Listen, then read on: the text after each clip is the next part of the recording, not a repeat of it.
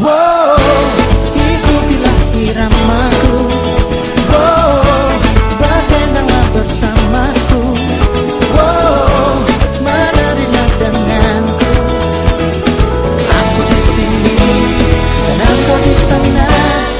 Ayo kembali ke timur. Gua minum dulu lah biar nggak biar nggak kaku. Udah bareng gua hari ini, gua gua seneng banget karena gini karena em, tamu gua yang eh, satu ini itu berkelanjutan jadinya dari episode sebelumnya. Gini, jadi kemarin gue bikin opening spesial buat episode kemarin soalnya tamu gue datangnya jauh-jauh.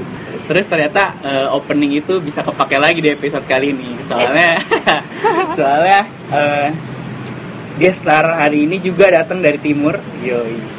Oh gitu. Iya. Walaupun dia agak-agak ke barat-baratan ya, kayaknya nggak ada nggak ada ciri-ciri timurnya dia. Iyalah. Jawa Barat kan. Iya. Udah bareng gua Wihelmina Delicia Leka Tompesi. Yeay. Hel, say hi dong. Yeay, halo pendengar para pendengarnya Dio Handrian. Belum ada, belum ada jargonnya. Oh, belum ada ya? Oh, belum ada. Ya udah kita nggak? Aduh, susah ya, Bu. Itu harus ada hitung-hitungan ya, Kak? Mm-mm. Nah dari namanya aja udah eh, ketahuan pasti si Wihel ini dari mana ya kan? Oh, gitu. Iya kemarin soalnya episode sebelumnya tuh eh, dia tuh marganya apa ya kemarin? Geril tuh oh sosok gak tahu gitu. Iya.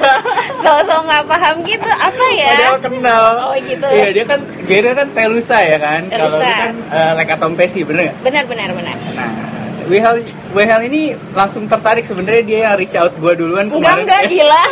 Next lu langsung ditodong next episode lu ya, gitu. Iya Hel, soalnya biar senada gitu Oke, temanya. baiklah. Jadi kan gue nggak percuma juga bikin opening spesial ya kan. Lu dengerin nggak openingnya kemarin? Dengar sih, tapi lagunya si ini Glenn, Glenn Fredly, Fredly. yang kembali almarhum Glenn yang Iya. kembali ke timur. Iya, gue benar. suka banget sama tuh lagu soalnya. Oh iya? Dia vibe-nya asik banget. Enjoy Terus banget kata ya. Geril juga semua orang Ambon pasti suka sama Glenn Fredly. Lu Betul. setuju nggak? Setuju, setuju. Kalau gue sih setuju. Oke, lagu favorit tuh Glenn Fredly apa? Eh, Renjana. Oh Renjana, gue gak pernah denger malah Renjana yang mana Ada ya? Renjana itu enak banget. Anti mainstream ya lu ya? Iya lu dong. ya? Sama ada satu lagu lagi yang gue suka, Tetes Embun. Itu tersirat makna dan Iya. aduh pokoknya dalam banget dah tuh lagu. Aduh, sebelum bahas Glenn Fredly lebih banyak ya, gue harus melempar iconic questions gue nih ke Aduh, Wilhelmina apa nih. nih? Gini, gue selalu melempar pertanyaan tentang arti nama seseorang. Oke. Karena sesuai dengan title podcast gue, ya kan? Oke. mencari nama. Mencari nama. Ya, Asik. jadi kalau gue boleh tanya ke lu, eh, arti nama yang arti nama Wilhelmina Delicia Leka Tompes itu apa? artinya bagus artinya saya. Iya. artinya Leka, bagus. Leka Tompesi pasti nama Leka marga. Kompesi itu pasti nama marga. Cuman sebenarnya Hmm. dulu waktu gue lahir Gue seneng nih kalau de- depannya tuh kalimat sebenarnya. sebenarnya dulu waktu gue lahir Panjang itu nama gue tuh bukan Wilhelmina Delicia Oh, oh. ya jadi ini baru gue ceritakan ke orang-orang Iya. spesial banget buat podcastnya kakak Dio asik. jadi sebenarnya tuh dulu bokap gue sama nyokap gue pengennya nama gue itu Daisy Natalia Daisy, Jauh. Daisy. Daisy. Kok jauh ya? jauh kan jadi Wilhelmina Iya, iya, gue juga sempet kenapa mah kenapa nggak nama aku Daisy Natalia aja emang maksudnya apa ya gue bilang gitu "Eh, karena kamu lahirnya di November dekat sama Desember itu vibe-nya udah vibe Natal gitu Oh, gitu. jadi tengah-tengahnya Natalia Natalia. kalau Daisy itu jadi kakak sepupu gue kakak sepupu gue ini kebetulan dekat sama bokap gue jadi pengen namanya tuh diterusin sama gue gitu Kakak sepupu lu namanya Daisy juga. ya Terus apa terus alasannya? jadinya nggak jadinya terus opa gue nggak setuju sama nama gue akhirnya Oh, udah. opa lu ambil andil nih. ambil andil semua dalam kehidupan gue opa gue sama oma gue ambil andil guys. Jadi namanya Wilhelmina aja karena turun temurun dari keluarga gue itu selalu ada punya nama Wilhelmina. Oh. cuman penulisannya berbeda-beda. Kayak tante gue Wilhelmina biasa adik sepupu gue Wilhelmina biasa. Kalau gue kan Wilhelmina. Hmm, ada L di ada L-nya. Oh. kayak gitu. Dan Wilhelmina Delicia itu artinya adalah kalau Wilhelmina sendiri itu dari bahasa Ibrani artinya pelindung Oh. kalau Delicia itu nyokap gue suka dari kata delicious karena Dari delicious ternyata. delicious. Nah, oh kenapa mah? iya kan itu kan kayak enak gitu. Jadi seorang perempuan pemberani yang enak dilihat. Oh, gue kayak gitu artinya. Wah, kayaknya se- eh, sepanjang podcast ini direkam ini nama yang paling jelas ya. Oh gitu ya? Iya. Iya, gue sempet nanya soalnya kenapa kan waktu dulu SMP juga kan guru SMP sosiologi gue nanya kalian tahu nggak arti nama kalian itu apa? Gue baru situ baru kepikiran gue nanya ke nyokap bokap Iya soalnya kan arti nama nama itu kan doa ya. Yes. Jadi menurut gue setiap orang harus tahu gitu arti nama itu apa. Betul. Atau seenggaknya memaknai nama dia sendiri lah. Iya, Iya agak sedikit Iya, berat setuju ya. Setuju? Setuju. Setuju. Menjadi seorang pelindung ya, guys. Gitu agak susah. Aduh kayaknya. gila. Terus gue seneng lengkap banget nih eh, apa namanya tamu gue yang kemarin tuh kakak hari ini nona ya Asik. kan Bung, beda-beda bung dong. dia bilangnya kakak kemarin Kakak ibu. Geriel kakak. cerita kalau orang timur itu harus dipanggil kakak Iya, iya, kenapa betul. karena mereka yang melihat matahari duluan Iya benar. Iya nggak? Iya. Ya, Ya, bener benar, juga benar. sih, logiknya Benar. sih bener juga. Benar benar benar benar. Nggak, kalau terbit dari barat udah kiamat so. Gila. Oke oke oke. Lu lahir dan besar tuh di Bogor. Lahir besar di Bogor. Hmm, tapi memang eh, dari keluarga Ambon, ya. Ambon. Bokap lu ngerantau ke sini atau emang dulu, dari dulu tuh udah di Bogor? Bokap itu ngerantau dari Ambon ke Jakarta. Sebenarnya ke Jakarta ya, bukan ke Bogor. Oh, I see. Nah, nyokap gue juga turunan Ambon. Oh, Tapi dia lahir besar di Jakarta. di Jakarta juga. Jakarta. Ah, Jadi I see. ketemunya di Jakarta deh. Tapi lu pernah tinggal di Ambon gak sih? Eh, cuman kayak buat liburan aja sih. Hmm. Paling lama tiga bulan deh Emang kayaknya. nih Nona satu ini emang suka banget tiap tiap kalau ada sela-sela sedikit dia langsung pergi dia. Kan kerja butuh liburan guys. Pusing dong kalau nggak Terus gue liburan. heran ya, gue punya kenalan orang Ambon pasti dekat dengan satu tadi apa namanya eh, Apa? rantau, rantau-rantau, terus Iya. orang eh, apa namanya perkumpulan-perkumpulan, Iya. terus ada kesamaan apa bisa nyanyi ya kan? Gue nggak bisa nyanyi sorry. Ya. sorry.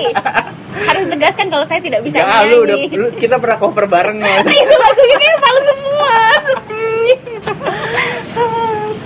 Terus selalu dekat dengan minuman. Kalau si Bung Geril kemarin jualan minuman keras ya, kalau Wel jualan kopi.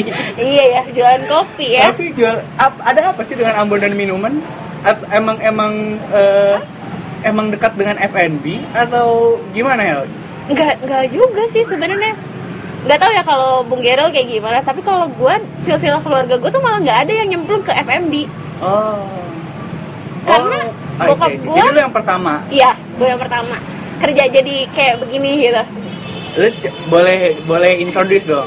Wihel Oh. kerja di mana Oh, ya kan? saya kerja di salah satu kedai kopi Paling eh, Cukup. kapitalis. cukup ternama. Terma- ternama di mana dulu nih Hel? Di Indonesia apa di dunia nih? Di dunia lah, Oh, ya, alhamdulillah kalau ya, itu sih udah tahu orang-orang. Pasti tahu lah ya. Hmm, Seorang barista saya, asik. Lu udah lama, lu udah lama sih setahu gue ya. di Lama. Lama juga. Lama. Gagal Nah. move on.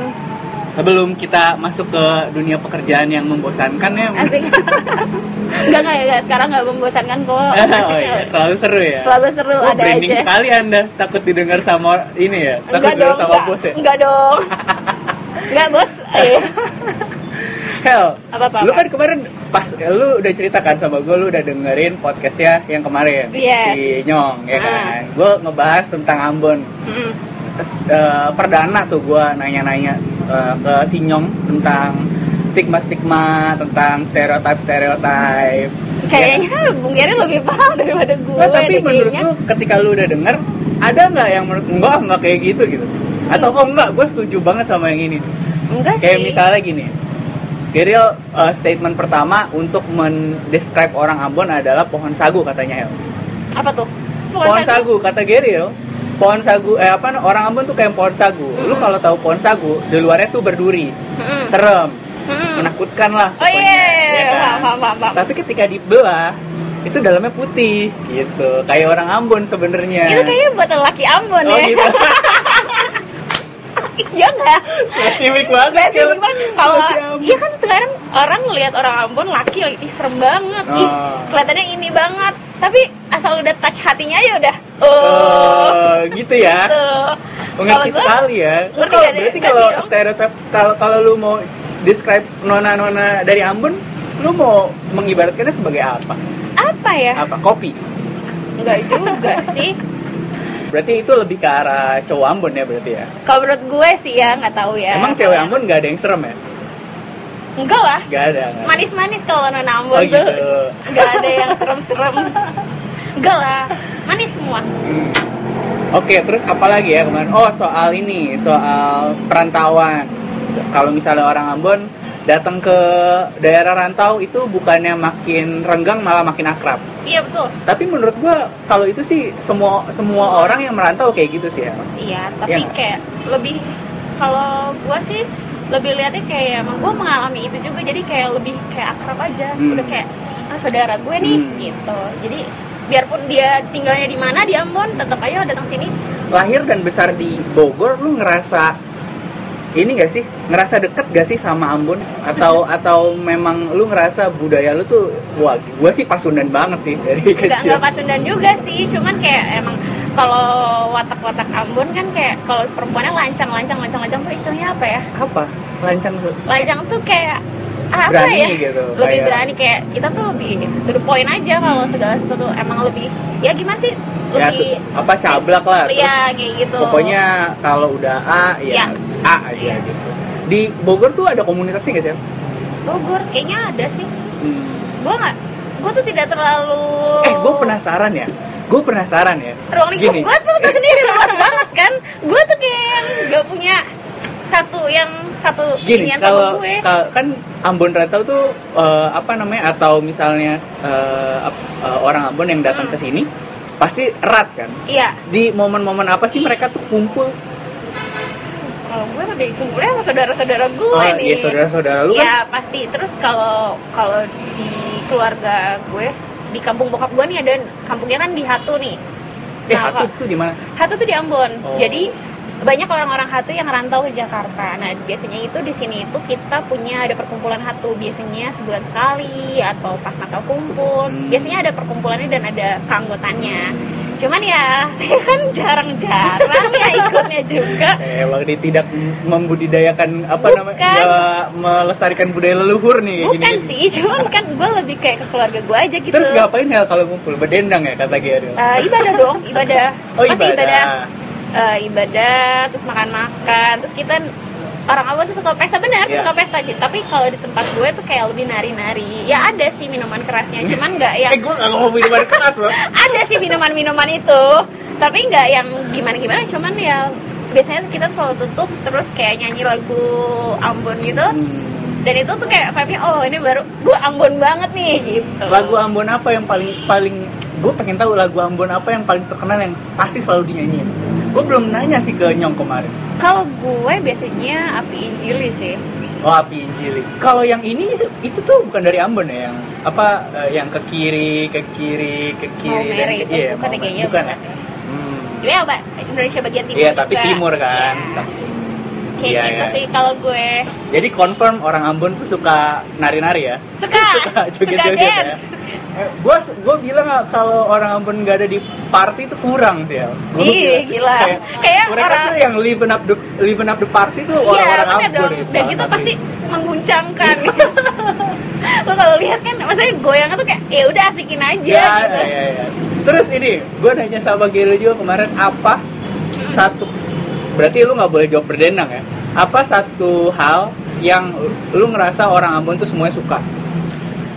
Gak mungkin gak suka orang Ambon. Apa? Ada nggak? Selain Glenn Fredly sama berdendang.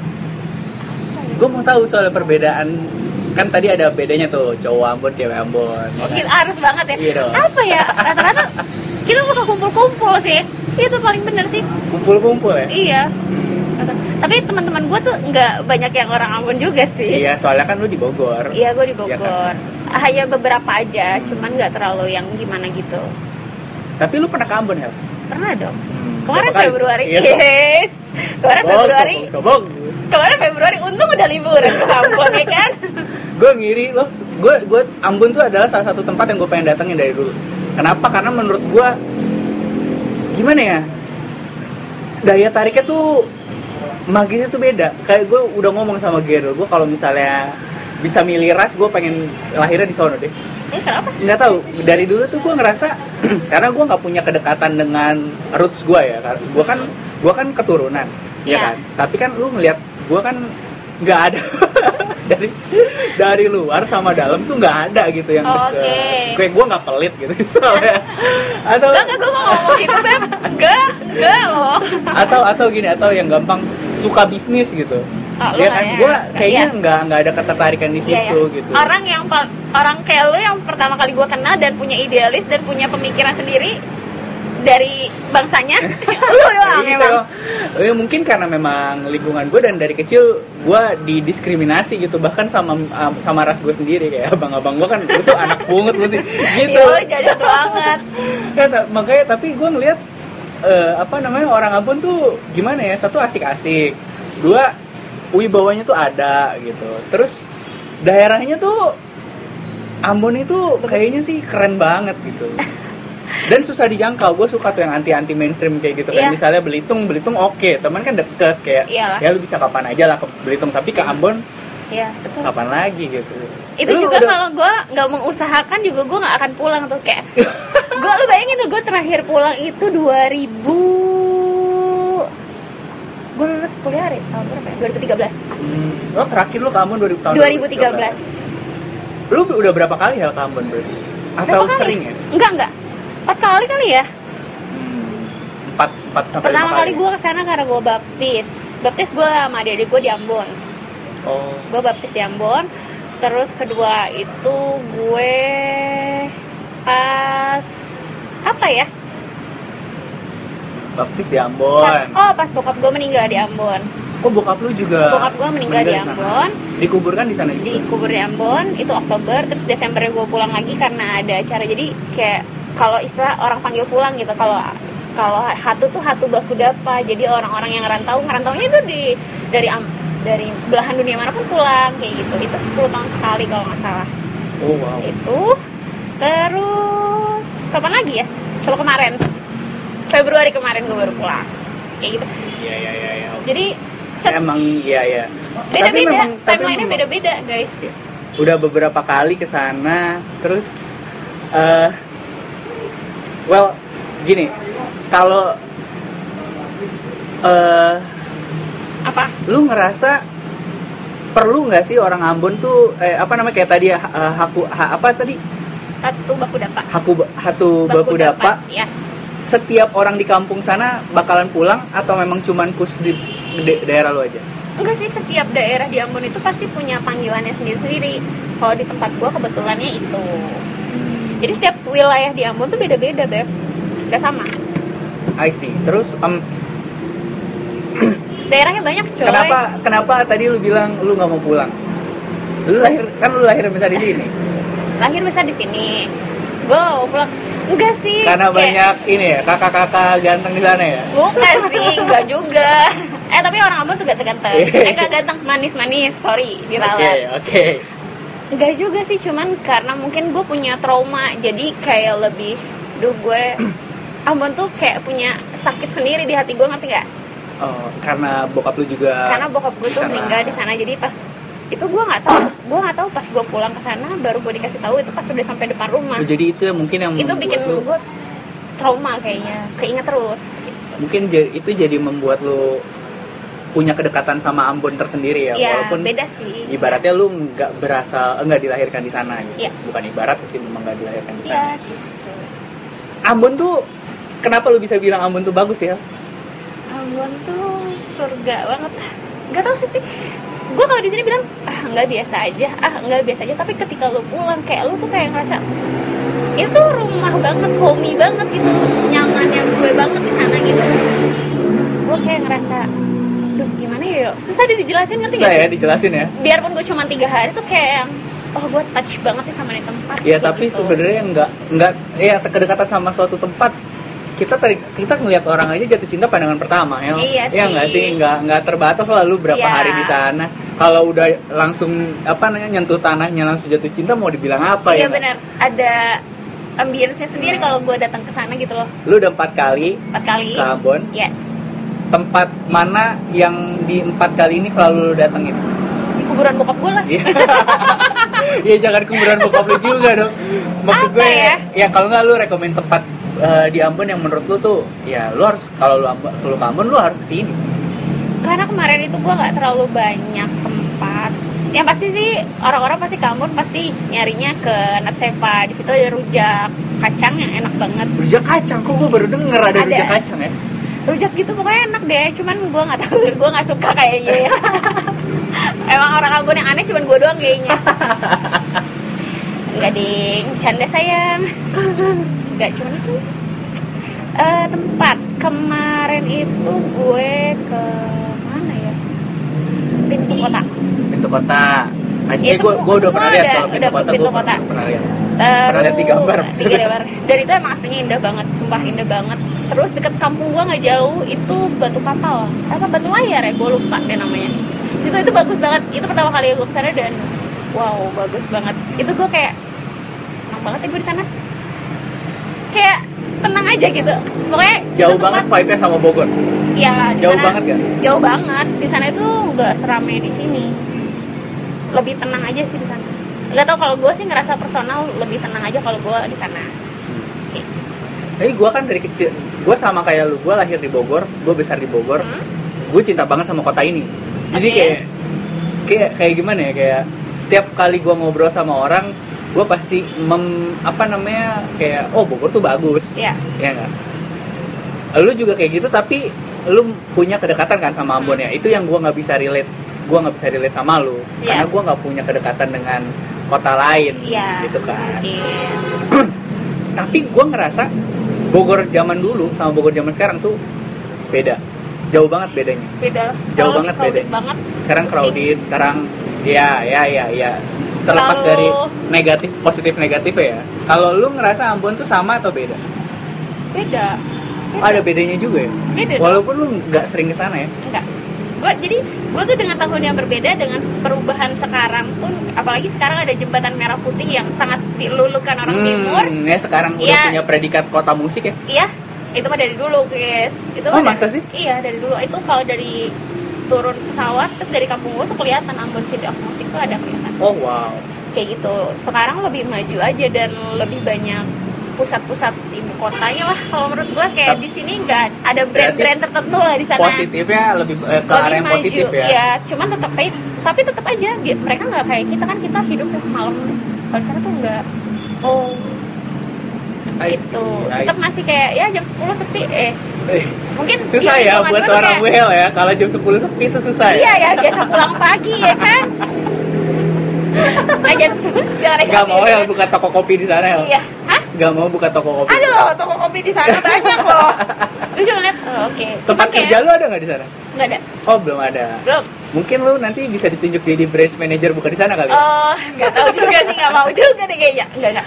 Kemarin gue ditawarin karena di Papua rencananya kan mau buka, cuman Ah. ada covid ini jadi tertunda kan. Terus sempat ditanya, lu mau nggak? terus terus lu bilang mau nggak? Gue mikir-mikir lah, Ah. jauh coy, Papua tuh jauh banget. Tapi kan lebih deket ke Ambon jadi. Ya, dan tapi kan jauh sama mama gue, nyokap Hmm. gue. Itu yang gue sekarang nggak bisa. Ya ya. Nah udah masuk ke ranah pekerjaan nih, ya kan? Bagus berarti gue bridgingnya ya. Bagus bagus, masuk masuk masuk. Ntar masuk lagi ke mana boleh? Gimana? Boleh gini, boleh diceritain nggak titik awal akhirnya lu masuk ke dunia per FMB ini? Gue yakin pasti lu kuliahnya bukan jurusan perkopian kan? Ya enggak lah, bukan. Iya ser- semua hidup gue tuh sebuah surprise buat Eh. kehidupan gue tuh surprise semuanya. Gimana? How you end up kerja di uh, salah satu uh, kedai kopi paling kapitalis di dunia? Gimana ya? Gimana gimana iseng sih awalnya. Iseng, gue tanya temen gue ada lowongan nggak? Kayaknya gue butuh part time deh. Awalnya ngelamar ngelamar sebagai seorang part time. Waktu itu gue masukin. Ini Gua langsung- tahun berapa? 2015 gue 2005 eh enggak 2014 dulu. Gue keterimanya 2015 cuy. Tapi gue ngelamar ngelamarnya dari 2014 Emang ada sih case-case kayak gitu ya? ada ya ada ya kayak gitu. Terus gue iseng karena gue waktu itu lagi ngelanjutin kuliah ceritanya lagi ngelanjutin kuliah nih ya. Cuman kuliahnya nggak lulus gue malah kerja kuliah nggak bakal beres Ya. satu semester doang loh cuy. Ada opportunity di sini kan? Ada Ya, opportunity gimana dong? Iya benar. Kebetulan deket juga di rumah ya kan? Hmm. oh kedai kopi lu deket ya dari rumah ya? Dekat enggak sih dulu waktu itu belum buka di sini belum buka yo. Oh dulu di mana ya? Dulu? Dulu pertama toko pertama gue di Botani. Hmm. toko pertama gue di Botani di situ gue jadi lu langsung masuk sebagai full time? Full time. Awalnya gue ngelamarnya bukan malahan gue ngelamarnya bukan di Botani loh di Farmer Market sekarang Superindo Super Indo mana Hel? Super, Min Super, Super Indo, Indo deket. toko terang. penasaran TH TH deket TH Oh di situ ada Super Indo ya? dulu Farmer Market Oh. sekarang jadi Superindo Oh, I see, I see. ya di situ pertama Tapi pertama lu gua dilempar ke botani. Iya, gue ngelamar itu September 2014 dipanggil awal tahun cuy. Terus gue Gila, masuk, hampir lima bulan tuh. terus gue masuk Mei. Seru nggak? Kok bisa gitu sih? Jadi eh awalnya dia nanya, dia nelfon dulu nih. HRD tapi udah resign kayak HRD-nya sekarang. Eh, dia nanya, "Rum- kamu orang Bogor? Iya. Kamu tahu ini nggak daerah Sentul? Gue waktu itu belum tahu Sentul. Gue bilang, aduh di mana ya Mbak? Gue nggak tahu. Udah, dari situ cepet aja. Dari Sentul nggak tahu. Akhirnya kalau Botani, oh Botani nggak terlalu jauh. Ya udah akhirnya gue ditempatin di Botani. Tapi kamu posisinya full time. Kamu mau ambil nggak dia bilang gitu? Oh iya boleh Mbak. Ya udah nanti saya kirim email buat MCU kata. Hmm, itu pas eh, Januari. Januari Februarian lah akhir. Terus kenapa akhirnya lu bisa direkrut di Mei? gue nggak ngerti mungkin karena gue mesti harus menyelesaikan jadi sebelumnya gue memang kerja juga di Oh, lu sempet kerja juga ya? Iya, Tapi bukan full time kan itu? Enggak, gue kerjanya tuh di TK TK kan jamnya cuma segitu terus Hmm. sorenya gue kuliah terus kayak gue tuh banyak waktu kosong gitu Iya. gue tuh orangnya bosenan nggak bisa kalau nggak ngelakuin segala sesuatu gitu akhirnya gue iseng-iseng lah eh keterima Oh. Ah, tahun ajaran itu beres baru lah gue cabut Oh, gitu. kayak Iya, kayak iya. Tuhan tuh emang kayak- sayang kayak gue Jadi bertepatan ya? bertepatan emang rezeki gue di situ kayaknya Ah. di bulan Mei itu 2015 sampai sekarang tuh bukan waktu yang sebentar loh ya. bukan Bukan waktu yang Bukan. sebentar. ah, lu kayak nggak tahu aja Bawa- bawa- nangis nangis ya gue Bawa gue balik dong ke tahun-tahun pertama lu eh, kerja jadi barista. kerja jadi barista oh capek banget guys capek banget Tahu gue kan pasti shift kan.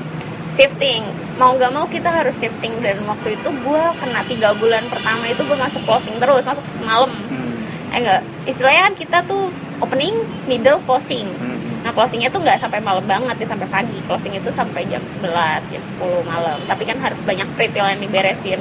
Itu tuh kayak Duh gue kuliah capek-capek gue cuman jadi kayak begini doang kayak Oh, ada pikiran kayak gitu agak ya? ada pikiran kayak gitu minder. Minder Ah. sama teman-teman gue kerja di kantoran. Mhm. gue agak sedikit minder gitu kan. Tapi setelah gue nikmatin gue enjoy. Justru eh, tiga bulan pertama itu gue kan hanya jadi kayak ngebersihin meja Ah, iya, nyuci-nyuci piring ngebersihin apa kotoran kot eh, di strap gitu gue gue ngelakuin hal itu bener-bener ya ya udah gue nikmatin aja Ah. terus Itu Akhirnya- lucu tuh, pikiran itu tuh lucu tuh. iya Kenapa? Karena kayak gue gue gue ngerasain sih kayak anjir gue ngapain gue Iya bener loh, gue agak agak sedikit punya Pilu pilu kayak sedih. pressure gitu. sendiri kayak udah gitu dosen gue di PB mampir ke situ kan gimana dong rasanya oh kamu do oh iya ya kamu angkatan ini ya oh iya ya. ada yang ngajar gue langsung gitu kan kayak Iya, iya. tapi eh, Itu tiga bulan lah ya. itu tiga bulan Ya itu proses peruntuhan Proses. idealisme lu lah. Iya, Iya tapi kan? akhirnya gue nyaman karena setelah itu gue di kayak one on one gitu sama manajer gue terus dijelasin gini gini gini oke makin buka pikiran gue sih dan ternyata relasi gue makin banyak Hmm. gitu gue bisa ketemu sama ini ini ini ini, dan banyak orang Tapi in the first place lu suka sama kopi gak sih? Awalnya tuh lu kayak orang kan ada ya, ah gue suka nih minum kopi, kayaknya gue cocok nih jadi barista gitu. awalnya gue nggak tahu jual kopi ya bener-bener gue cuma tahu kakak gue pernah kerja di situ di Jakarta di tempat di kopi ini Iya. terus dia bilang oh enak enak ya tapi gue nggak tahu ternyata itu tuh jual kopi yang segede Hmm. dan punya brand kuat kayak gitu gue nggak tahu sumpah Wow, wow. wow banget Ini gue udah lama loh, maksudnya. Lama banget. 2015 itu menurut gua kayaknya kopi udah hit sih. udah, kayak dan itu di situ gue baru tahu cafe latte Udah muncul- muncul tuh dikit-dikit coffee caramel shop, coffee shop, ya iya kan? gue baru tahu itu kopi yes. kopi susu Oh jadi awalnya lu tuh bukan berangkat dari pecinta kopi ya? enggak Hmm. karena gue emang nggak suka minum kopi Ini sekarang sampai sekarang? Biasa aja. Nggak nggak dibilang suka suka banget. Hmm. nggak juga sih. Tapi gue seneng ngeracik minuman ngerti Iya nggak? Iya iya. gue tuh seneng bereksperimen dan eksperimen gue puji Tuhan ya. Orang-orang pada senang kayak lu salah satu minuman yang gue gue racik dan Gua sih seneng apa aja yang gratis ya. gembel. Jadi emang kayak gitu. Jadi banyak customer yang memang punya koneksi sendiri sama gue itu gara-gara gue punya minuman sendiri yang gue tawarin na